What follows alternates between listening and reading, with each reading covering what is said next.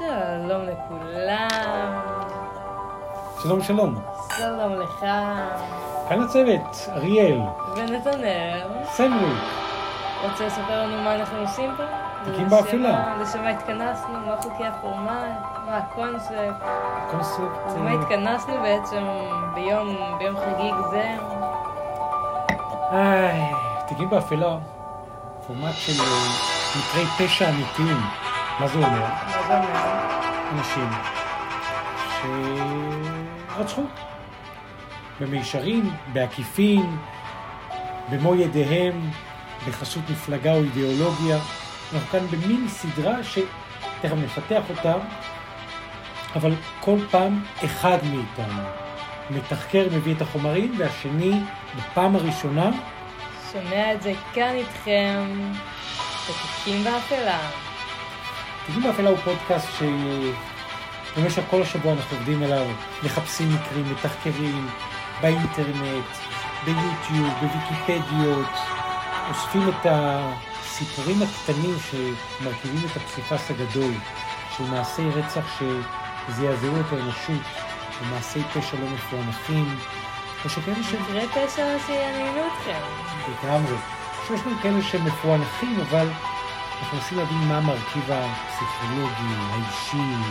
מה הביא אותם לאותה נקודה של לתיק בעצם?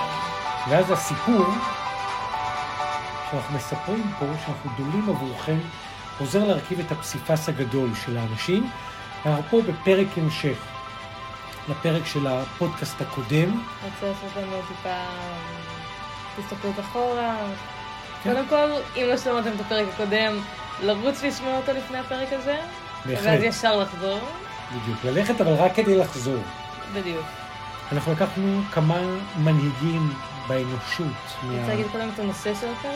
ואז תפרט עליו?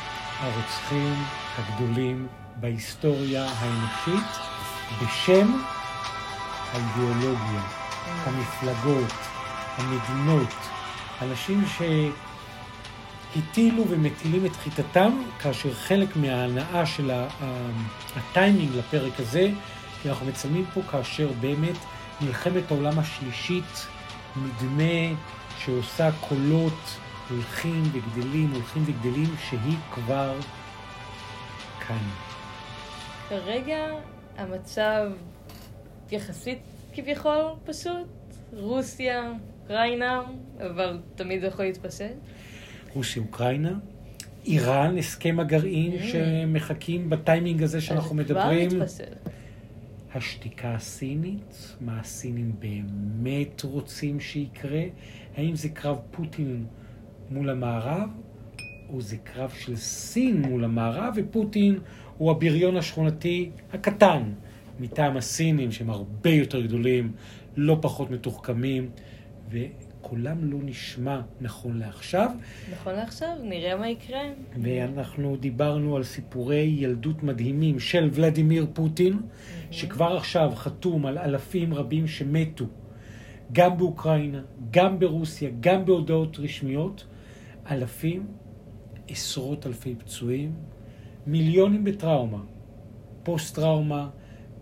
אנחנו גם אם כבר... הוא לא לחץ בהכרח על ההדק, הוא... נתן את הפקודה לרמטכ"ל, נתן את הפקודה לשר הביטחון. על הדף רשומות על שמו. על האחריות שלו, כשיש כבר מיליון, נכון לטיימינג הזה, תושבי אוקראינה, מיליון שנעקרים מבתיהם. בואו נדבר על זה רגע.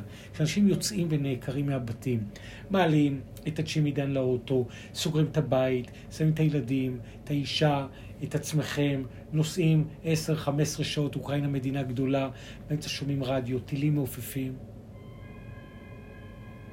ככה זה סימן נשמע. אמת, סימן אמת. אנחנו מצלמים ומקליטים ויש אזעקה, והאזעקה הזאת היא חלק מהשידור החי, ואנחנו משאירים אותה כמו שהיא.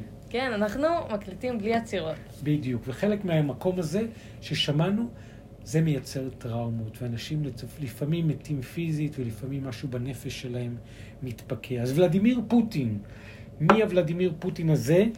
פרק קודם באמת נגענו בילדות שלו. נגענו באחים שלו שמתו, כשהם היו קטנים, חלקם במהלך תקופת המצור, טראומת ילדות, היותו איש, שאיך ננסח את זה, קראטה, ג'ודו והרבה פרטים לא נודעים.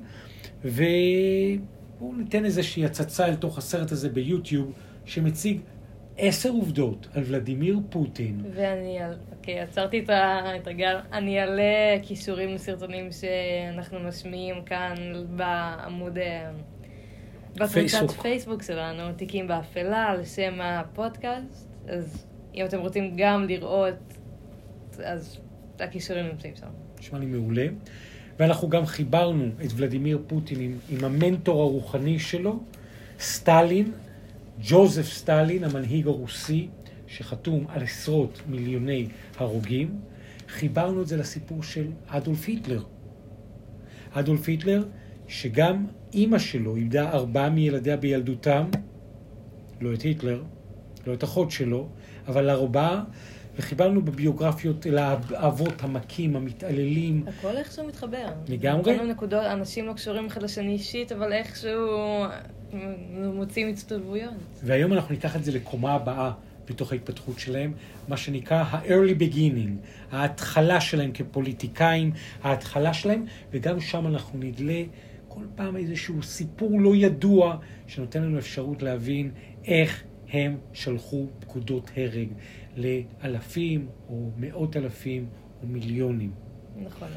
ולדימיר פוטין, אנחנו מתוך עשרה דברים מוזרים שאנחנו יודעים על המנהיג הרוסי, אנחנו רואים אותו דג דגים, אנחנו רואים אותו בחזה חשוף, אנשים מדברים כן סטרואידים, לא סטרואידים, בואו נשמע.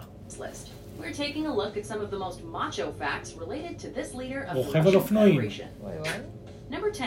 He's friends with Steven Seagal. סטיבן סיגל, הכוכב the late 80s ההוליוודי. And early 90s, Steven Seagal's name was synonymous with badass action flicks. Are you you like some special forces guy or something?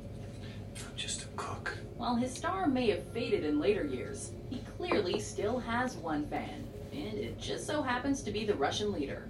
Vladimir Putin and Steven Seagal have been buddies for quite some time, and in 2016, Seagal was presented with a Russian passport to help foster goodwill between America and Russia.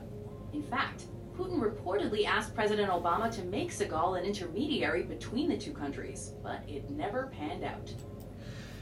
זאת אומרת, פוטין, עם כל מה שקורה כרגע, עובד הרבה על התדמית שלו, עובד הרבה על הסיפור שלו. סטיבן סיגל, כוכב הוליוודי, מאצ'ו, איש שרירים, קילר, והוא חבר של ולדימיר.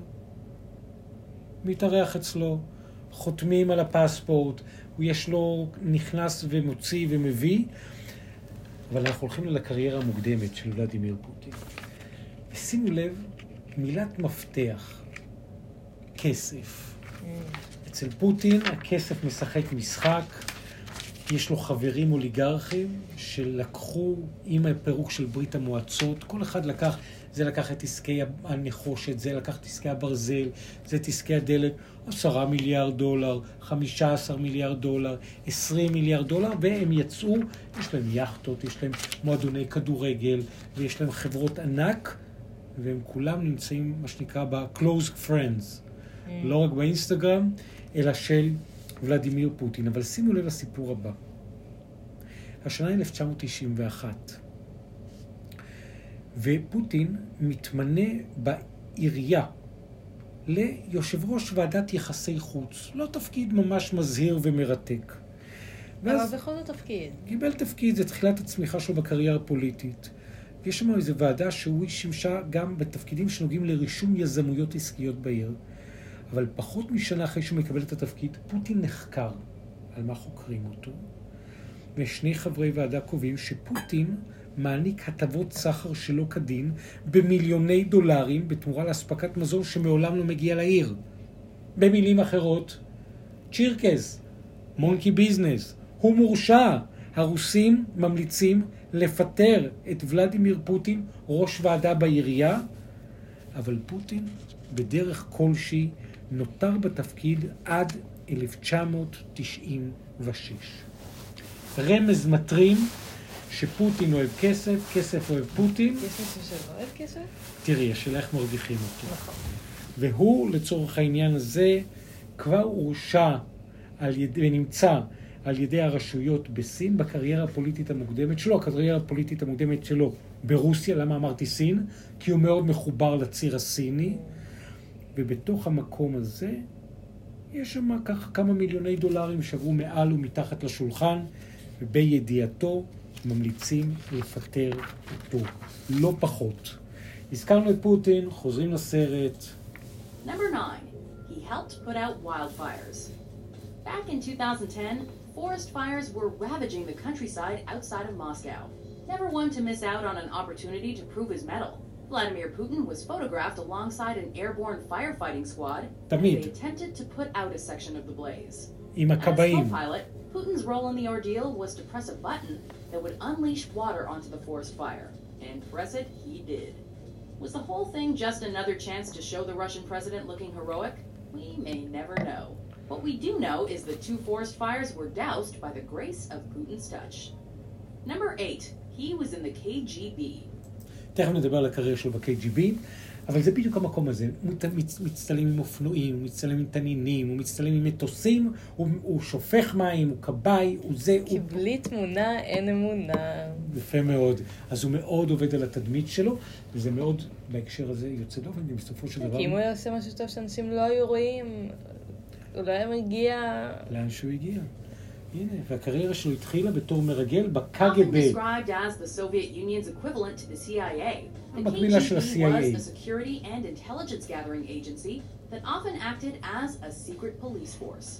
It was also Putin's employer from 1975 until the fall and eventual dismantling of the Soviet Union in 1991.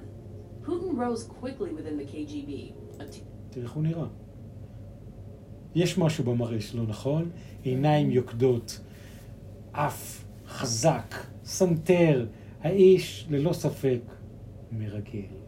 והפך להיות ראש הקג"ב. לא פחות תכלס, מזה. אבל אתה יכול לראות שונה לגמרי ולהיות מרגל. אה, זה כן. לא תלוי בסונטר שלו. אבל יש שם, הוא נראה קצת. כמו 007. מראה, כאילו... יש לו איזה ג'יימס בונדיות מסוימת בתמונות שלו, הוא עובד על זה. אל תורידי, אריאל, בכל זאת, לא זה ערערתי, פוטין. אני רק פתחתי את האפשרויות עכשיו תראי את לאנשים הח- שונים. עכשיו תראי את החגורה השחורה שלו, Mm. תראי את הקראטיסט, תראי איך... he walks the walk as well.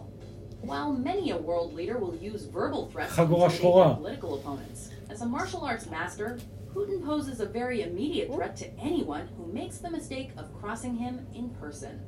His love of all things martial arts dates back to his youth, when he began training in Sambo, a specialized combat sport developed by the Soviet Union, before learning judo and karate. Putin is such a martial arts enthusiast that he אומנויות לחימה. co-authored a book on the subject in 2004 and released a film titled Let's Learn Judo with Vladimir Putin in 2008. זאת אומרת, האיש אוהב מכות, אוהב Mm. אלימות, אומנויות לחימה, הגנה עצמית, אבל זה משהו שהוא מטפח מנערות, וגם בתור מנהיג את רואה אותו מתאמן, וזה ולדימיר פוטין. כסף וכוח. Mm. ובמקום הזה שני הדברים האהובים על כולם. כסף באמת. וכוח. אבל הוא בהקשר הזה מתעל את זה גם למלחמות. הוא מרעיל ומחסל וכולא תמיד את תלוי איך אתה כל משתמש בו. תלוי מה אתה עושה עם, הכ... עם הכוח ועם הכסף, איך אתה משיג אותם. כי אם אתה משתמש בהם טוב, אז... It's great. ו- באמת. אה, ולדימיר פוטין. זה הסיפור שלו. ניקח עוד רגע אחד שלו, ואז אנחנו ניקח אה, אה, ונלך אל המנטור הרוחני שלו, נלך לסטלין. ומה יותר מקנח מאשר טיגריס? Well, if you're Russian President Vladimir Putin, the answer is simple. Remain calm, grab the nearest tranquilizer gun, and shoot the animal. Mm. This is what supposedly happened back in 2008 when Putin and a Russian TV crew visited the Usuri Reserve in Siberia. A trapped tiger allegedly got loose and began to charge the unsuspecting crew members. Thankfully, Putin acted quickly, sedating the animal and, by extension, saving those around him from a potentially vicious attack. Time to rethink who you'd want with you in the event of a zombie invasion. Do you agree with our ולדימיר פוטין, זה הסיפור, אדם שמקדש כוח, אוהב כוח ומשתמש בכוח. שימו לב, אנחנו מדברים כבר על מעגלי הרג, פציעה ופוסט-טראומה של מיליונים מתוך מה שקורה כרגע בקרבות באוקראינה. מפה אל המנטור שלו, סטלין. סטלין, דיברנו בפעם הקודמת, בין 11 ל-40 מיליון הרוגים מתוך המהפכות שהוא הנהיג. בין 11 ל-40 מיליון, לא פחות.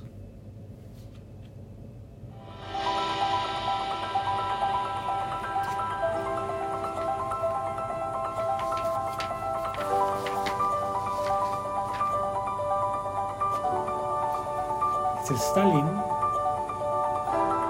הילד המוכה, האבא אלכוהוליסט, חבוט בבית, מרגיש לי שהמון פעמים זה מגיע מפגיעה. כן, הרבה כאבים. דיברנו על זה בפרק הקודם, שאולי הוא הרגיש חלש ובגלל זה רצה להפגין כוח. ואז במקום הזה, בדיוק מתוך מה שאת אומרת, נדבר היום על המשפחה שסטלין מקים. Mm. ועכשיו תראו איך קרמה עובדת ואיך זה משכפל את עצמו. סטלין נושא שתי נשים. במקביל? או בנפרד? בטור. אני לא חושבת שזה חוקי במקביל, אבל...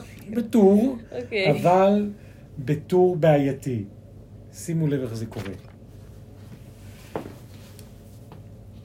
איך זה קורה? קודם כל, נולדו לו שלושה ילדים. הוא אימץ... בתוך הנישואים או מחוץ? גם בפנים, גם בחוץ, תכף נעשה פירוט. לא פשוט, העץ המשפחתי שלי, אם הוא עושה עבודת שורשים, יש סיבוכה. Hmm. אבל, לפחות עבודה מעניינת. כן, לגמרי, הוא גם מאמץ יתום של אחד הנופלים במלחמה. זה היה, קשה. כן, זה היה המנהג של המנהיגים הבולשביקים. והנישואים הראשונים שלו היו לעלמה בשם ליקטרינה סבניזאדה. היא הייתה אחותו של מהפכן בולשביקי מפורסם מגורגיה. הם נולדים, נולד להם בן בשם יעקב.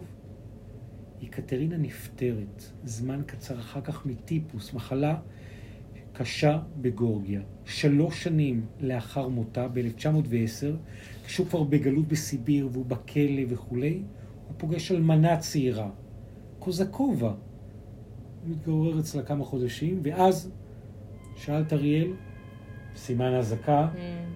האזעקה שאתם שומעים הן אזעקות אמת בתוך החוץ של האולפן שאנחנו מקליטים. זה לא אירוע צבאי, אפילו שיש קרבות שקורות, קורים. זה ביקשנו מהם מראש להעבירם, כן, כדי שיהיה לנו סאונדטרק כזה. הכל היה מתוכנן. בקיצור, נולד לזוג בן מחוץ לנישואים. ילד מחוץ לנישואים, לא פשוט. ב-1919 סטלין נוסע בשנית, הפעם לנדג'זה אלליובה. הוא הכיר אותה עוד בילדות שלה, בבית הוריה, כשסייע לה בזמן שנרדף על ידי המשטר הצארי. הוא גם התגורר בבית שלהם, אבל נדיה, מוצאים אותה ירויה בחדר בתשעה בנובמבר 1932, למחרת חגיגות יום השנה ה-15 למהפכת אוקטובר בקרמלין. זה היה על ידו, או... הפרסום הרשמי, כמו שאת מבינה, יש הבדל בין הסיפור הרשמי לאמת. הסיפור הרשמי נפטרה ממחלה פתאומית. אבל זה. מקובל לחשוב שהיא שמה קץ לחייה, על רקע נישואיה האומללים. ככה או ככה זה מוציא אותו רע. לגמרי לא טוב. תכף נדבר על הילדים ועל מה שקרה איתם. ננסח את זה בעדינות לא פשוט. כדי להיכנס עוד קצת לאווירה של סטלין, המנהיג שהטיל את חיטתו על רוסיה והסביבה, ונלחם בנאצים, והפסיד לנאצים וגם ניצח את הנאצים בקרבות הסיום, בואו נראה קטע מתוך נאום שלו, הקלטה נדירה, 1952. בואו נראה כריזמה רוסית. מחיאות כפיים. קומרנץ. הרשו לי להביע את הערכתי בשם כל הקונגרס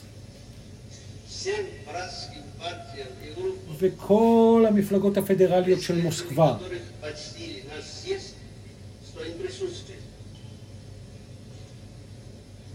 которые прислали съезд כל האורחים פה שולחים ברכת חברות לחברי הקונגרס הרוסי.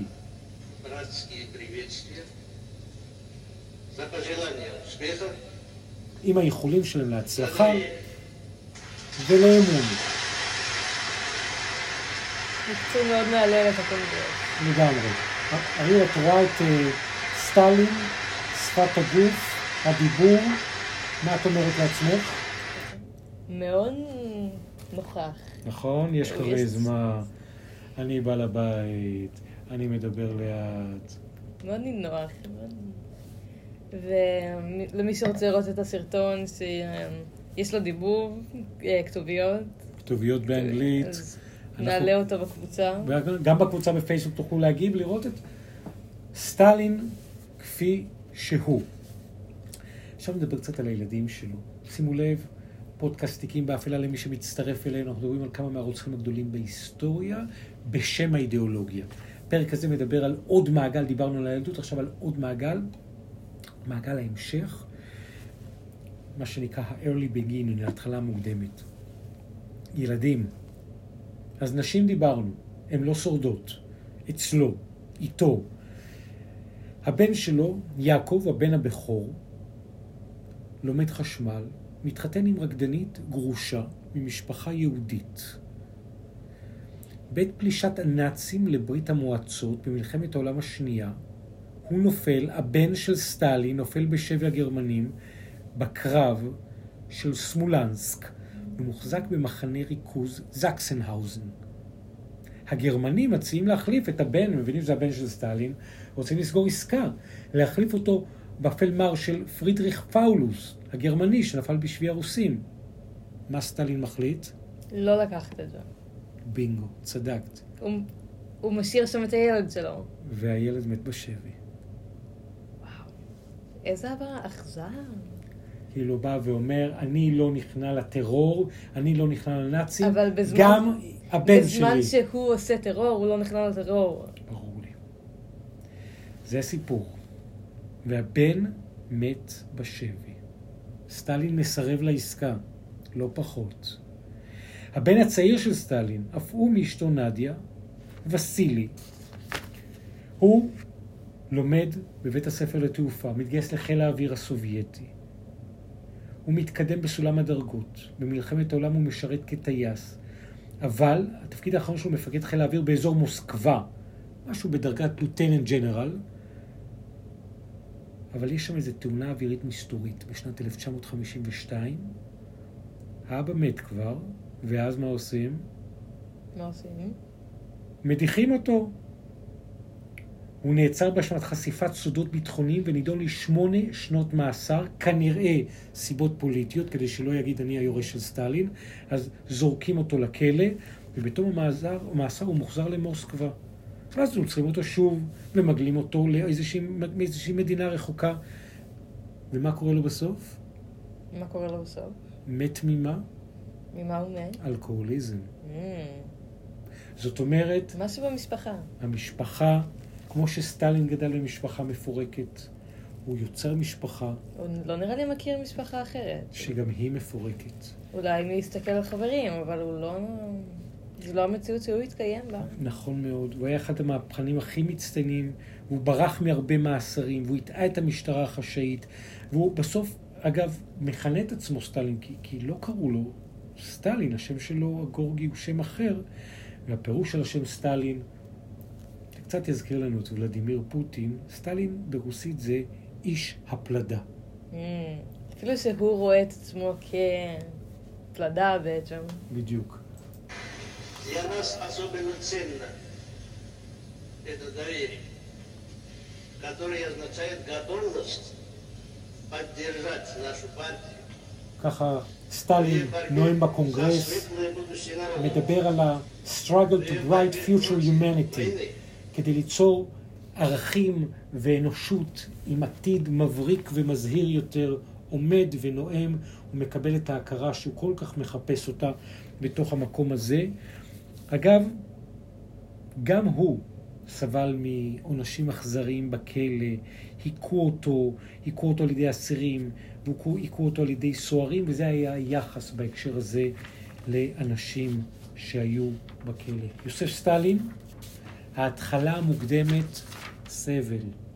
סבל בילדות, סבל במשפחה, סבל עם אנשים שמתו, סבל עם הילדים, סבל בנישואים וסבל ב, פשוט בכל המקרים האלה שאסרו אותו. זה האיש. הזכרנו את מלחמת העולם השנייה, אז אנחנו לא יכולים לדבר על מלחמת העולם השנייה בלי לדבר על אדולף היטלר. Mm. אולי באמת אחד המנהיגים הרוצחים הגדולים שהנפיקה ההיסטוריה האנושית, ומי יודע מה היה קורה אם בגיל שמונה או תשע, או כשהוא היה הומלס, או כשהוא היה באמת חסר ו- וקיבל כמה אה, אה, לירות גרמניות. אה, מה עבור קורה אם- ניקוי- אם המציאות הייתה אחרת? כן, אם היו עוזרים לו, אם היו מטפלים בו, היה לו טיפול תכלס אני לא פסיכולוגי. רואה את הסיבה להסתכל ככה, כי זאת המציאות. כן, זאת המציאות. אז עכשיו אנחנו הולכים לדבר בדקות הקרובות, להציג עוד פרק פחות ידוע מהחיים של אדולף היטלר.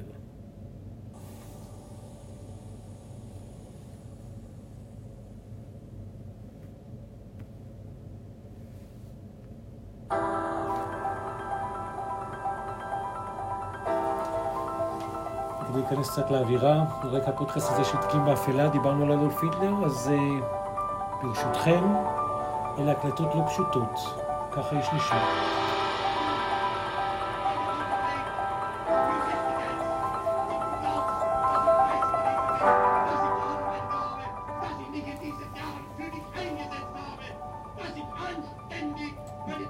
בסרטון עצמו הוא מלא תנועות ידיים, מלא הבעות.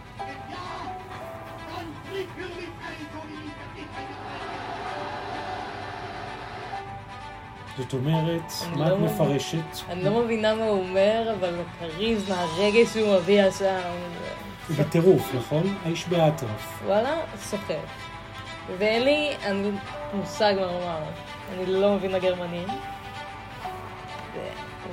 זה מדהים שאדם מוצא בתוכו את הכוחות האלה, כאשר בסופו של דבר, בשלב די אה, מוקדם בחיים שלו, אבל לא בתור ילד, הוא היה הומלס, קפוא ורעב, שעבר להתגורר בבית מחסה במשך שנים, הרוויח מעט כסף, גירף שלג בכניסות לבתים ובתחנת הרכבת. זה היה האיש, בסופו של דבר, וכך בסופו של דבר הוא התחיל.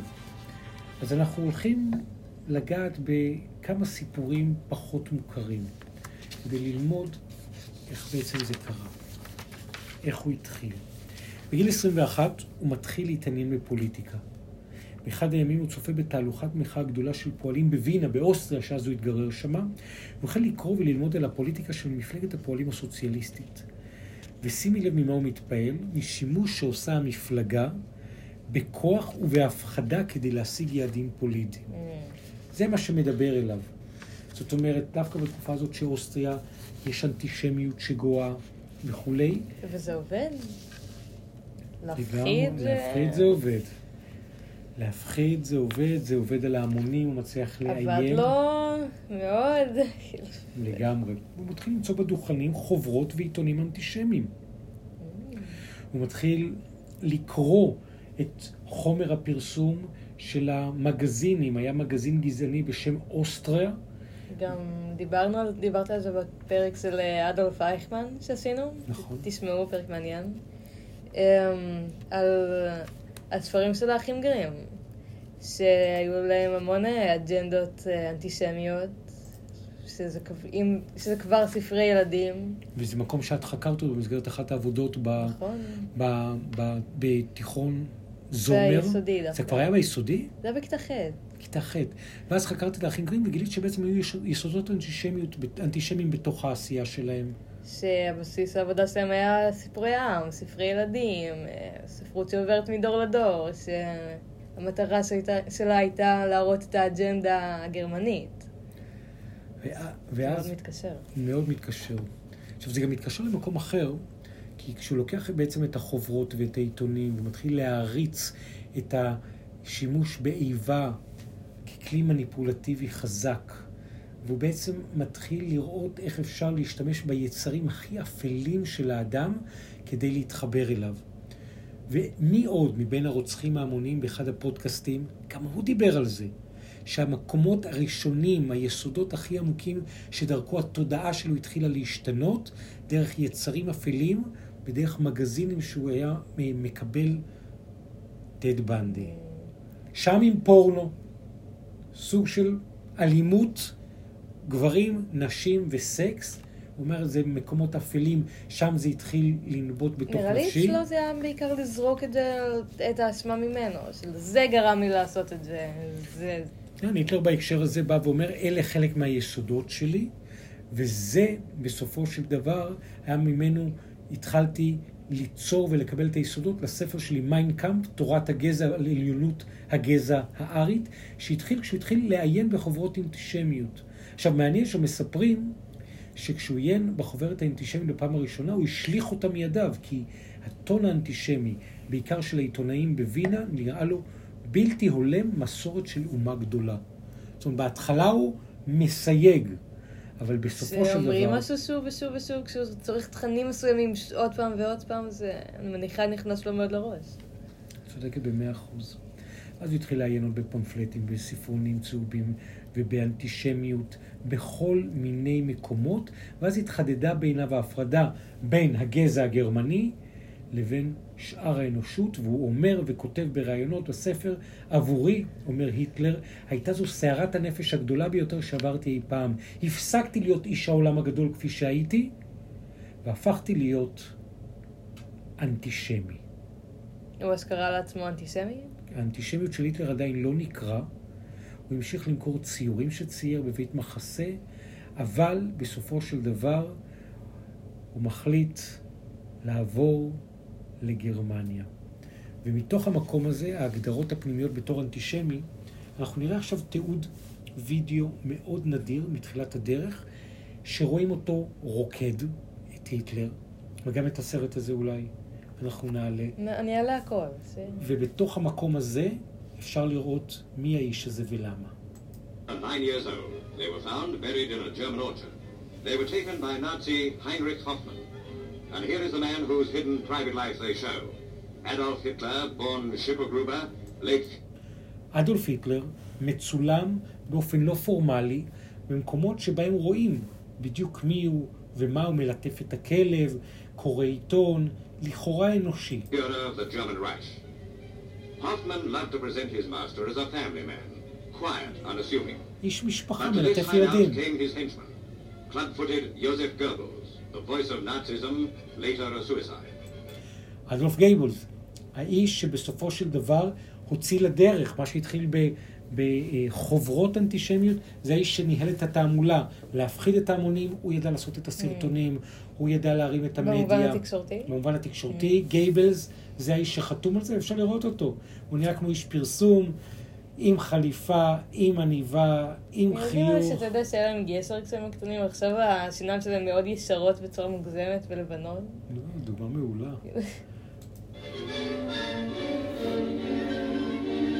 Foreign boss von Ribbentrop, hanged at Nuremberg. On right here, Gestapo chief Heinrich Himmler, also הימלר, ראש הגסטאפו, כל הרוצחים, חלקם חתומים על עשרות מיליונים, חלקם על מיליונים, כולם בצוות, נמצאים ומצולמים מאחורי הקלעים במין ישיבת דירקטוריון כזאת מחויכת. כולם אלה התאבדו. וזאת, האישה היחידה, אווה בראון. This was to be the ex-Austrian corporal's victory dance. הנה היטלר רוקד, ואווה בראון מחייכת לצידו, האישה שלו. think they are still alive. The Allies believe them dead. These pictures show how they lived. מה את אומרת? מעניין, איך, איך הם הצליחו לצלם אותם. ומה? אין מושג איך ה... יש שם צלם, שגם הוא נאצי, שמתעד אה, זה אותם. לא סתם מישהו שפשוט בא לשם, פתח לא, לא, לא, זה מצלמה. חלק מהחבו שלהם, והוא מצלם אותם, כשבעצם הוא רוצה להציג אותם, זה צילום מאוד נדיר. לשווק כן? את עצמם. כן, אנשי משפחה נחמדים, צחוקים, הם לא מאיימים על אף אחד, הם אפילו עושים כמה תנועות ריקוד עם הסמל הנאצי. וככה בסופו של דבר זה קורה. אגב, אם אנחנו נגלוש רגע אחד בהיטלר למלחמת העולם הראשונה, אז אז, וישימי לב איך המעגל נסגר, כחלק ממלחמת העולם הראשונה, מכריזה גרמניה מלחמה על איזו אימפריה? איזו אימפריה? הרוסית. Mm. בהתאם לברית בינה לבין האוסטרו-הונגריה. היטלר תיאר את רגע ההכרזה במיינקאמפ, בספר שלו. הספר המכונן שהוא הוציא לאור, הוא כתב את תורת הגזע, וכך הוא הסביר בסופו של דבר.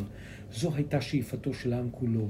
מרוב התלהבות סוערת, נפלתי על ברכיי והודיתי לאל בלב שעובר על גדותיו, על שהעניק לי את המזל הטוב, וזכיתי לחיות בזמן הזה. יומיים מאוחר יותר התגייס היטלר לצבא, לגדוד הבווארי. עבורי, כמו כל הגרמנים, החלה הייתה התקופה הגדולה, הבלתי נשכחת ביותר בכל תקופת קיומי על פני האדמה. כל המערות שקדמו הפכו לבלתי קיימים והפכו לאין, כתב היטלר בספרו. לאחר שנים של עוני, של בדידות, של דלות, היטלר מוצא לעצמו שייכות ומטרה. אגב, בתור חייל תמיד שאל, ירה, הרג, הרג בעצמו וכולי, הוא היה רץ, הוא היה עובר, מעביר מסרים ממקום למקום, לא איזה אה, גרויס לוחם. הוא נחשב חייל די מרושל בהתנהגות, אבל תמיד נכון היה להתנדב למשימות המסוכנות, כמו להעביר תשדורות אל אזורי הלחימה ומאזורי הלחימה. ובזמן הרגיעה, איך הוא היה נכנס לזון שלו? היה מצייר את אזורי הקרבות. הוא אהב לצייר, הוא היה אומן. היטלר, שלא כמו חבריו החיילים, מעולם לא התלונן על איכות המזון והתנאים הקשים שבהם חיו. הוא העדיף לדבר על אומנות, הוא דיבר על היסטוריה. חבריו החיילים סברו שהוא שש לרצות את מפקדיו יותר מדי, אבל בדרך כלל היה ידוע כמתבודד, כאמיץ וכבר מזל. בקרב בין היחידה אליה השתייך היטלר לבין כוחות בריטים ובלגים נהלכו, נהרגו 2,500 מתוך 3,000 חיילי היחידה שבה הוא היה. היטלר יצא ללא פגע. Mm. במקרים רבים קרה שעבר ממקום למקום דקות ספורות לפני שנפלה שם פצצה או פגז. בטח זה- שזה היה בצירוף מקרים, או שהוא ידע מזה. אני חושב שזה בסופו של דבר איזשהו מקום של אמונה שלו בצדקת הדרך, ואז הוא כאילו הלך בין הפגזים, והוא ידע שיש לו ייעוד יותר גדול, משהו יותר גדול שהוא רוצה לקיים. הוא כן נפצע ברגל מאיזה רסיס של פגז, הוא עבר לאשפוז בגרמניה, אבל uh, בסופו של דבר הוא היה חלק מהמאמץ המלחמתי במלחמת העולם הראשונה, וכך הוא באמת יצק בתוכו את תחושת השייכות, את השנאה לאחר ואת אהבת המלחמה שלו. אריאל, נתנאל. סיכומים ותובנות בינתיים. אה, נראה לי באמת אה, בתור ילדים, קצת את הפרק הקודם שמתמקד בילדות של אותם אנשים, של אותם מנהיגים. הם הרגישו הרגשה של אה, היררכיה מסוימת עם ההורים שלהם, עם האבות שלהם, ונגיד היטלר הרגיש אולי הרגשת ייעוד, כי סיפרת שאימא שלו קיפחה אותו. אז הם ראו בחיים המבוגרים שלהם, כאילו הם צריכים לממש את הייעוד שלהם, כאילו פתאום מגיע להם כוח שהם צריכים ל... לממש אותו, רצו ל... הם ידעו שיש בהם כוח שלא מקבל הערכה. זהו, אצל היטלר בעיקר האבא. הוא שהיכה, הוא שהרביץ, הוא שהתעלל. עם האמא, שאגב מתה, כמו שדיברנו אז, מסרטן השד, יש יותר סימביוזה, היא יותר פינקה אותו עד חוסר גבולות. נכון, הרגיש שמגיע לו. בדיוק. ואז במקום הזה הוא באמת הלך והתעצם והרגיש שמגיע שלו, עד שהוא התפרק. בלי חיים, בלי כסף, בלי פרנסה, הומלס, ומהתחתית הזאתי, הצבא, החוברות, המגזינים, האנטישמיות מתחילה לפעמים פה. דיברנו על הילדות, אז לפני שאנחנו מסיימים את הפרק הזה, עוד קטע אחד. former maid, האומנת לשעבר של אדולף היטלר, שהייתה שם בבית, מספרת, בריאיון נדיר, במסגרת סרט דוקומנטרי.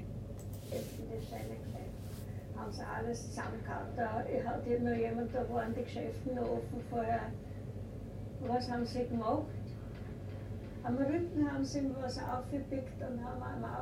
אפשר לראות אותה, Juden. Big Boy from the Jews, כך אדולף היטלר מתאר באוזניה את השנאה שלו ליהודים, והיא מספרת באמת בפעם הראשונה את החיים שלה בצל הפירר. את רואה אותה ומה את אומרת? נראית אישה מתוקה. נכון. באה לטפל בילד, הייתה... היא באה לטפל בילד, וזה הילד. זה מה שהוא הפך להיות.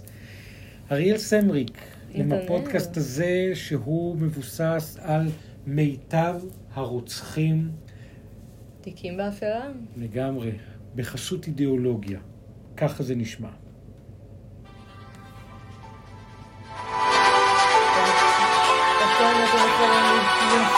גם ברשתות החברתיות, בפייסבוק, באינסטגרם. גם קבוצה בתוך פייסבוק, גם עמוד בתוך פייסבוק, וגם אה, לחפש את הפודקאסט שלך, יש לנו אותו ב-RSS, ב-RSS, בספוטיפיי ובאפל פודקאסט. מוזמנים להגיב. תגיבו, להציע רעיונות לאנשים. תפנו אלינו. אנחנו רוצים להגיד תודה לכמה אנשים שנתנו לנו הצעות מצוינות, התחלנו לקבל הצעות. ואנחנו מקבלים נושאים מצוינים לתחקור על מעשי רצח כאלה ואחרים, על פושעים, על אנחנו לוקחים את זה זה באמת להרגיש ממש טוב שמתחילה תנועה. להגיד. יש כבר כבר יותר מ-120 אנשים ברחבי העולם שרואים, שמגיבים, שמורידים, והתנועה הזאת הולכת וגדלה, ואנחנו מודים לכם על זה, שאתם מגיבים. אתם חלק מהקהילה שהולכת ונבנית של תיקים באפלה, בארץ, בחו"ל, וזה באמת אה, מקרים שהם אה, מרתקים, וזה יצר האדם, מעניין. לגמרי. תודה רבה שאתה כאן. תודה רבה, אריאל. תודה רבה לכם שאתם כאן, ואנחנו כאן כל שבוע עם הקלטות, עם תחקירים ועם נושאים שמעניינים אותנו, ואנחנו מקווים שגם אתכם. נכון, תיקים באפלה, תודה רבה לכם. נתראה.